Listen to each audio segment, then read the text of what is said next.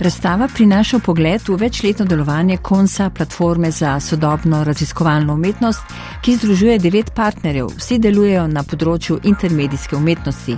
To so Zavod Kersnikova, Zavod projekta Tol, Zavod Axioma, Zavod Cona, Društvo Ljudmila, Akademija umetnosti Univerze v Novi Gorici, Mladinski center Velenje, Lokal Patriot Novo mesto in MKC Maribor. V bistvu je bolj umetniška razstava, pravi kurator Juri Krpan, sicer umetniški direktor galerije Kapelica. Zaradi tega, ker je vse projekt, ki ga delamo zdaj malo več kot tri leta, namenjen ne samo produkciji umetniških del, ampak tudi ustvarjanju boljših pogojev za nastajanje umetniških del. Slovenija je velika, majhna država in mi smo v svojem delovanju ugotovili, da če res hočemo držati tempo na svetovni ravni, da moramo biti bolj ambiciozni, da moramo poskrbeti za umetnice in za umetnike, da lahko živijo od svojega dela, kar je največji izziv. V zadnjih 20 letih se dogaja, da umetniki delajo v tem nekem prekarnem okolju, ki jim ne omogoča normalnega življenja in ustvarjanja. In mi smo združili zdaj devet producentov in smo si zadali to nalogo, da poskušamo popraviti te pogoje. Združili smo devet producentov prav zato, da bi lahko ustvarili nove pogoje, pravi umetniški vodja Juri Krpan. Ker v mikroravni že nekako vsak pri sebi uspe enega ali pa polovico umetnika, umetnice spraviti naprej, da bi pa, kot rečemo, temu povečali absorpcijsko sposobnost tega prostora, to pa se še ni zgodilo. Ne? Na akademiji je full študentk in študentov in kam grejo. Ne, že tam leta 2005, ko smo delali eno veliko razstavo v moderni galeriji, smo se ukvarjali s tem vprašanjem. Kako umetniki v Sloveniji sploh lahko sfurajo svoj, svoj life? Tem uvodom je Juri Krpan začel izjemno zanimivo vodstvo po razstavi: konsekvence, fragmenti možnega ekosistema. Za sam projekt, dodaja, smo od Evrope dobili tako imenovana kohezijska sredstva. To so pa sredstva, ki jih Evropa da za to, da se države strukturno dvignejo na raven teh razvitih držav. Ne? In Slovenija dobiva ta sredstva, zdaj letos jih bo dobila zadnjič. No, in mi smo dobili ta sredstva zato, ker smo ponudili res delo na strukturi. Eno so umetniška dela, ki so v zadnjih treh letih nastajala v posebno opremljenih laboratorijih za umetnike. Drugi, zelo pomemben del pa je izobraževanje.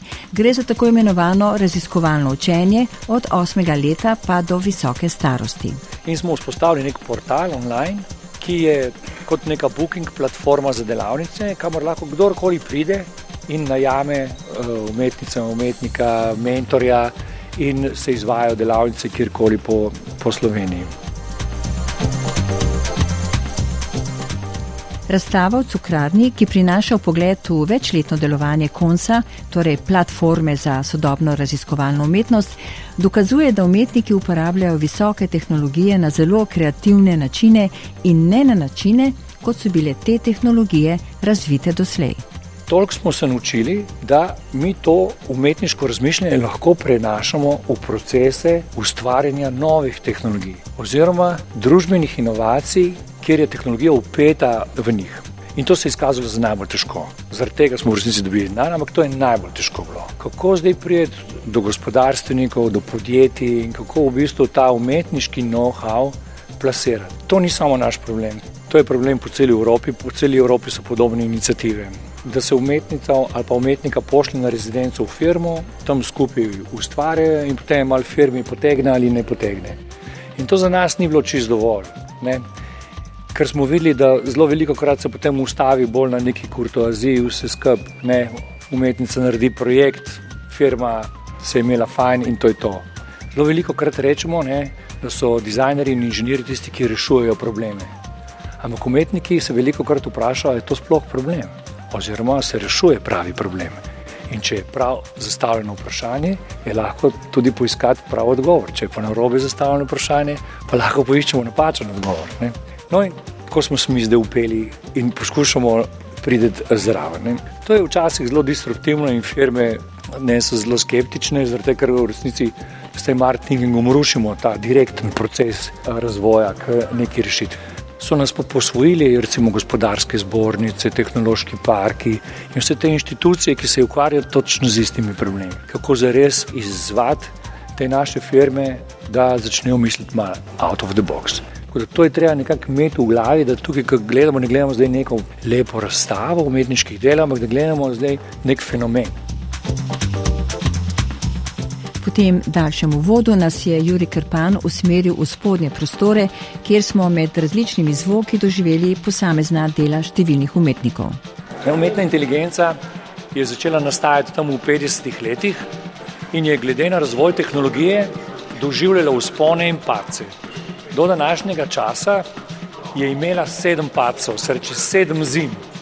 S temi novimi računalniki in s temi novimi tehnologijami smo dobili končno take orodja, da so sposobna sprocesirati toliko podatkov, da računalnik lahko upravljamo še kaj več kot samo za tipkanje. To naše sodelovanje v kreativnih industrijah pa za industrijo, zaključuje Juri Kerpan, pomeni, da umetnik ni več nekdo, ki prenese svoje delo, ga obesi v galerijo in gre domov, ampak prevzame odgovornost, da to delo pride do svojega uh, učinka. In mi gremo v firme in tam nismo dobrodošli ampak mi smo tam motnja, mi smo napaka tam. Celoten naš sistem je napaka. Glede na to, in to je ta paradoks, da mi imamo največjo birokracijo na svetu v Bruslju, ki je sposobna misliti te povezave. Nimamo pa inštrumentov lokalno, ki so sposobni to implementirati. Ta umetnostna produkcija je v resnici totalna avantgarda v tem trenutku. Zaradi tega, ker te miselne paradigme prevaja v možne pomene. Znanost je produkcija vednosti, umetnost je produkcija pomenjanja. In tukaj mi dejansko dajemo imena stvarem, ki nimajo še imen. Ni še besed za to, kako ne bi stvari zlezli skupaj, zato da se nam ne bi dogajalo to, kar se nam dogaja. Tukaj ne gre za artivizem, tukaj gre dejansko za to, da smo na špuri premikanja smisla, pomenjanja. Ne, čisto epistemološko. Cela ta konc platforma, ki jo, ki jo tukaj kažemo, hoče premikati polje družbenih dejavnosti v neko možno prihodnost, ki jo zaenkrat ne vidimo še. Ne. In skozi take projekte jih je te možne scenarije možno slutiti, možno zasledovati. Ne. To pa je vsaka avantgarda zdaj naredila. Videla v prihodnost, ne, odprla kanale, da je mogoče misliti neke scenarije, ki bi bili bolj zdržni, bolj etični, bolj varni, bolj krožni, bolj sustainable.